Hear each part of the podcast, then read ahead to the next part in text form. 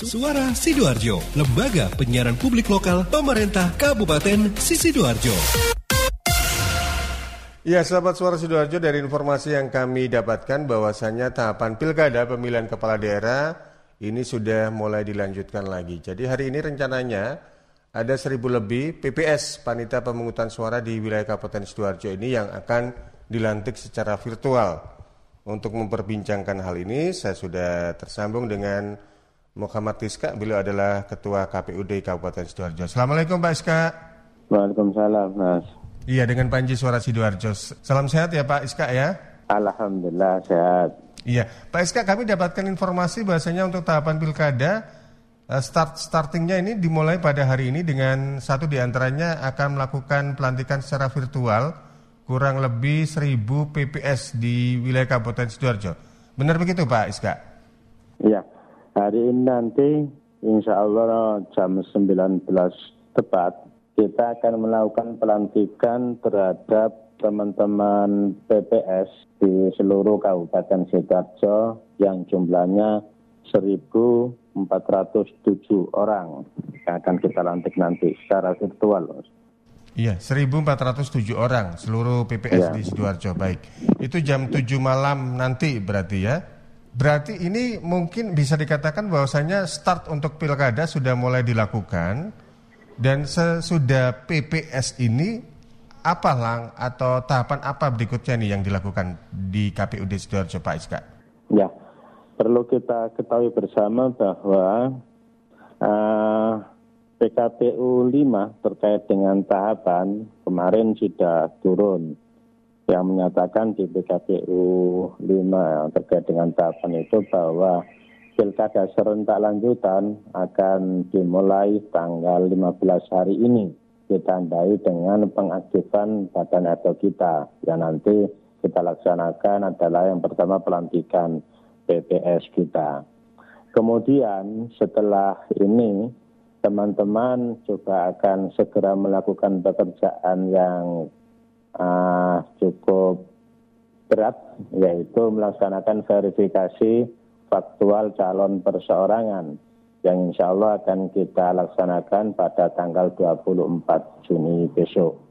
Ya, ini calon perseorangan untuk uh, mereka yang ikut dalam calon perseorangan apa ini Pak Iska? Yang peserta uh, pilkada atau? Pencalonan itu kan kita bagi dua, calon perseorangan atau yang dikenal orang dengan calon independen yang kedua adalah calon yang diusung oleh partai politik. Oke. Okay. Alhamdulillah di Kabupaten Sidoarjo termasuk enam kabupaten se-Jawa Timur yang menyelenggarakan pilkada serentak ini ada calon perseorangan yang kemarin uh, menyerahkan syarat dukungan yeah. atas nama uh, AA.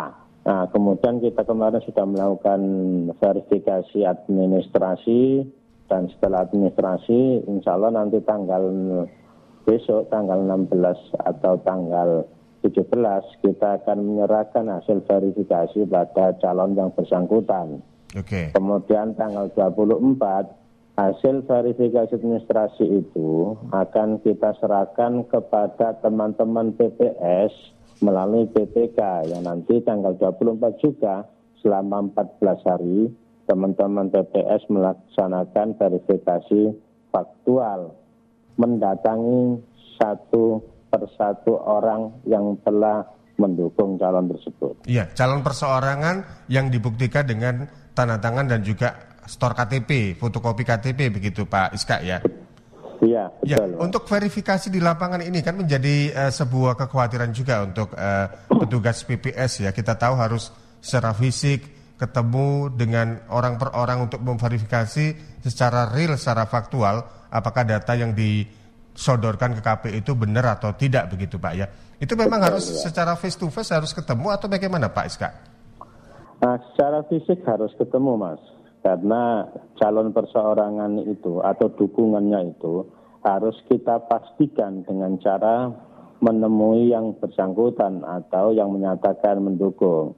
Apakah yang menyatakan mendukung dengan dibuktikan surat dan lampiran uh, KTP itu betul-betul mendukung itu itu kita verifikasi secara langsung. Jadi memang harus ketemu. Iya.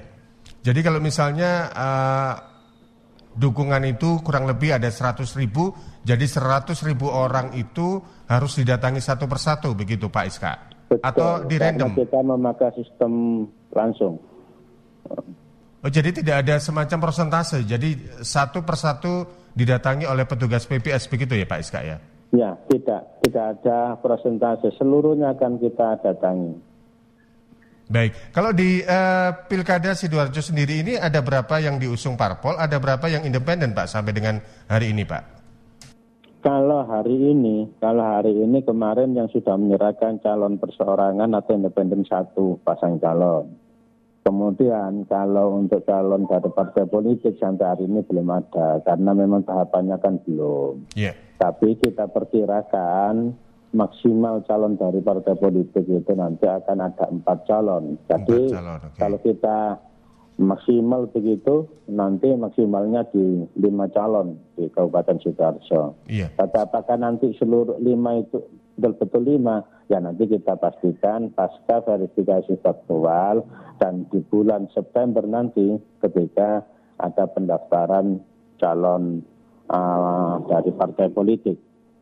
Baik, jadi uh, secara garis atau secara kasar ini pihak KPUD melihat bahwasanya uh, ada empat calon pasangan uh, bu, calon bupati dan wakil bupati dan yang diusung parpol, kemudian ya, ada sa begitu. ada satu dari independen. Ya. Baik, berarti kurang lebih ada lima calon bupati dan wakil bupati ya untuk pilkada di tahun ini, gitu, gitu, begitu ya. Pak Pak Iska ya? Itu maksimalnya, maksimal, maksimal begitu. Iya. Jadi ya kalau memungkinkan saja calonnya cuma satu, dua, tiga, empat, maksimalnya lima begitu. Baik, ya Pak. Sementara untuk uh, pilkada itu sendiri, ada yang uh, versi yang mengatakan bahwasanya akan dilakukan pada bulan Desember, ada yang mengatakan pada uh, tahun 2021. Sementara KPUD ya. sendiri ini uh, acuannya bagaimana Pak untuk proses pilkada pada saat pencoblosan nanti, Pak? Acuan KPU itu yang pertama sesuai dengan uh, Perpu nomor 2 tahun 2020 yang kemarin sudah turun. Yang kedua adalah PKPU terkait dengan tahapan. Di dalam Perpu itu di sana disampaikan bahwa pilkada sudah final yaitu tanggal 9 Desember Kemudian itu juga dituangkan di PKPU kita, PKPU tahapan nomor 5 yang baru itu, pengganti PKPU nomor 15, itu tahapannya kan sudah muncul. Iya. Mulai hari ini kita aktifkan PPK sampai tanggal 9 uh, Desember itu pelaksanaan coblosannya. Jadi bagi kami di KPU Kabupaten, tanggal 9 Desember itu sudah final, kita akan melaksanakan pilkada tahun 2020 di Kabupaten Sidoarjo. Iya, jadi sudah fix gitu Pak ya, tidak ada uh, revisi atau perubahan-perubahan dalam hal ini Pak Betul, ya? ya. Baik, Pak, kalau uh, kita tahu bahwasanya sekarang ini, ini kan uh, masyarakat Indonesia, Indonesia masih uh, di tengah pandemi COVID-19. Apakah nanti ada hal-hal yang berbeda dari biasanya dalam pelaksanaan pilkada dan sebagainya ini Pak Iska? Ya, terkait dengan kondisi pandemi hari ini, yang pertama di Perpu nomor 2 tahun 2020 itu juga di kesepakatan lima lembaga negara tanggal 27 Mei, lima lembaga negara itu siapa?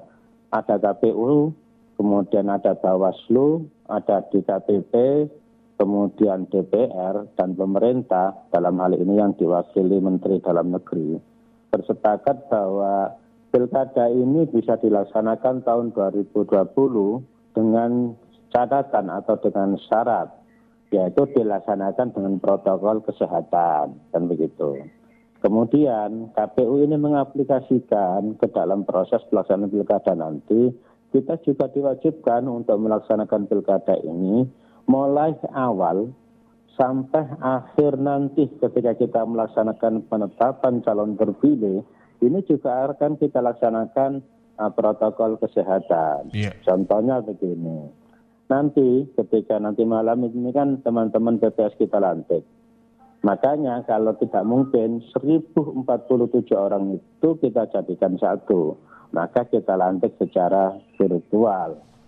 yang pertama. Yang kedua, meskipun secara virtual, teman-teman di TPS nanti juga diwajibkan untuk memakai masker, menjaga jarak, dan lain sebagainya. Ini adalah protokol kesehatan. Yang kedua, contohnya nanti pada tanggal 24 ketika teman-teman TPS itu melaksanakan verifikasi faktual, juga harus dibekali dengan APD-APD tertentu, tentu sesuai dengan kondisi masing-masing di uh, desa atau kondisi masing-masing masyarakat yang akan dilaksanakan verifikasi. Kalau masyarakat itu kan sekarang kita bagi lebih dua. Yeah. Yang pertama posisi masyarakat sebagai pasien dan non pasien. Kalau masyarakat yang akan kita laksanakan verifikasi faktual itu berstatus non pasien, maka mungkin teman-teman hanya diwajibkan untuk memakai masker dan face saja. Ya. Tapi kalau statusnya sebagai pasien, ini harus ada treatment tertentu, tidak hanya cukup dengan masker dan face Maka dari itu nanti kita sesuaikan dengan kondisi di lapangan, Mas. Gitu. Baik. Tapi untuk uh, uh, apa istilahnya itu aturan atau protokol kesehatan tentang uh, ketika harus menghadapi atau melakukan verifikasi kepada orang yang boleh dibilang positif COVID-19 itu rekan-rekan di PPS sudah tahu gitu Pak ya apa yang harus dilakukan gitu ya. Pedomannya mereka sudah paham begitu Pak ya. Makanya nanti ketika teman-teman nanti nanti kita apa itu kita lantik kemudian uh, mungkin besok atau lusa kita melaksanakan bimbingan teknik kepada teman-teman di tingkat PPK. Kemudian maksimal tiga hari sebelum melaksanakan verifikasi faktual teman-teman PPK juga melaksanakan bimbingan teknis pada teman-teman PPS. Supaya apa? Supaya sama-sama memahami terhadap kondisi seperti ini. Iya. Ya, saya juga lupa tadi belum saya sampaikan. Terhadap kondisi pandemi ini, ada juga, KPU juga akan menurunkan PKPU terkait dengan uh, protokol kesehatan atau COVID. Insya Allah satu dua hari ini PKPU-nya akan turun yang mewajibkan bahwa seluruh penyelenggara satu misal harus memakai APD, bila perlu ada rapid test dan lain sebagainya itu. Iya baik, Pak. Untuk uh, pilkada itu kan biasanya identik sebelum uh, pil apa pencoblosan kan ada kampanye, Pak. Ini juga Betul. diatur nggak, Pak, dalam soal kampanye di tengah pandemi COVID-19 seperti ini? Karena kita tahu kampanye itu kan mengumpulkan banyak massa begitu, Pak ya, baik itu indoor maupun ya. outdoor. Ya, Uh, kampanye itu insya Allah nanti akan kita laksanakan mulai tanggal 26 September sampai uh, tiga hari sebelum pencoblosan, kurang lebih tanggal 6 atau tanggal 7. Gitu kan. Tentu kampanye di pilkada kali ini berbeda nanti dengan kampanye kampanye sebelumnya. Memang harus ada aturan-aturan tertentu terkait dengan protokol kesehatan. Insya Allah nanti kita hari ini kan PKPU terkait kampanye belum turun, tapi kemungkinan besar akan ada satu yang akan ada perketatan. Contohnya begini, kampanye akbar yang mengumpulkan banyak sekali orang itu insya Allah nanti akan dibatasi, bahkan mungkin tidak ada. Yang hanya mungkin adalah kampanye terbatas, tatap muka, dialog begitu. Satu sisi itu ada pengetatan nanti kampanye. Tapi di sisi lain akan ada kelonggaran untuk pasangan calon melaksanakan kampanye. Contohnya apa kelonggarannya? Kalau dulu di PKPU yang lalu dan di pilkada yang lalu, alat peraga kampanye, bahan uh, kampanye yang berupa poster, leaflet, dan lain sebagainya, yeah kemudian alat peraga itu kan spanduk, valio dan lain sebagainya. Itu kan difasilitasi oleh negara atau oleh KPU. Biasanya uh, pasangan calon itu hanya boleh mengadakan sendiri selain yang difasilitasi oleh KPU itu 150 persen. Contohnya satu misal, kalau per desa sepanduk untuk pasangan calon difasilitasi KPU dua sepanduk, maka calon itu bisa mengadakan tiga. Jadi kan dulu dibatasi seperti itu. Tapi hari ini kemungkinan besar untuk itu dibebaskan. Atau ditambah tidak 150 persen bisa 500 persen atau 1000 persen atau bahkan dibebaskan. Pasangan calon bisa mengadakan alat peraga kampanye, bahan kampanye dan lain sebagainya itu bisa lebih maksimal. Jadi kampanyenya diarahkan ke sana supaya tidak ada pengerahan atau pengumpulan massa dengan jumlah besar, gitu mas. Iya, ini bisa saya bayangkan. Jadi ke depan ini di berbagai sudut kota Kabupaten sidoarjo itu banyak sekali alat peraga kampanye yang dari masing-masing figur ya Pak Iska ya. iya, kelihatannya seperti itu. Betul, karena uh, dibebaskan.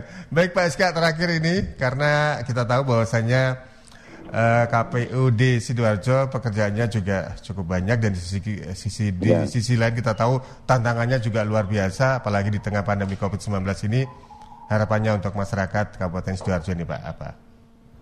Ya harapan saya pada seluruh masyarakat Sidoarjo yang pertama kami sampaikan bahwa uh, memang kalau kita laksanakan pilkada tahun 2020 2020 ini ada yang menyalakan berat. Tapi insya Allah kalau kita bersama-sama bersatu dan kita saling memahami dan saling uh, mengerti akan hak kewajiban masing-masing, insya Allah pilkada ini akan bisa kita laksanakan dengan baik. Kami juga berharap partisipasi pada masyarakat Sidoarjo secara penuh atau secara aktif tidak hanya berpartisipasi saat pemilihan, tapi pada saat proses ini juga kita berharap partisipasinya, kita berharap masukannya. Kalau memang ada hal-hal tertentu yang menurut masyarakat kurang baik, kami di Kabupaten Sidoarjo sangat terbuka untuk menerima masukan itu. Kami harap ada feedback terkait dengan proses pelaksanaan ini dan nantinya pada tanggal 9 Desember tahun 2020 uh, pemilih di Kabupaten Sidoarjo partisipasinya bisa meningkat. Kami berharap seperti Amin. itu kepada Baik. seluruh masyarakat Sidoarjo dan kami mohon maaf apabila nanti beberapa hari nanti petugas kami datang ke rumah-rumah melaksanakan kegiatan uh, pilkada ini mengganggu masyarakat Sidoarjo. Terima kasih. Baik, terima kasih Pak Iska. Sukses untuk aktivitasnya dan juga salam untuk sahabat-sahabat di KPUD Sidoarjo. Selamat pagi, selamat beraktivitas Pak Iska. Assalamualaikum. Ya, Waalaikumsalam warahmatullahi wabarakatuh. Demikian tadi sahabat saya sudah berbincang dengan Muhammad Iska, beliau adalah Ketua KPUD Sidoarjo terkait dengan tahapan pilkada yang sudah mulai dilakukan pada hari ini. Satu di antaranya yakni penetapan atau pelantikan secara virtual terhadap seribu lebih PPS panitia pemungutan suara di Kabupaten Sidoarjo.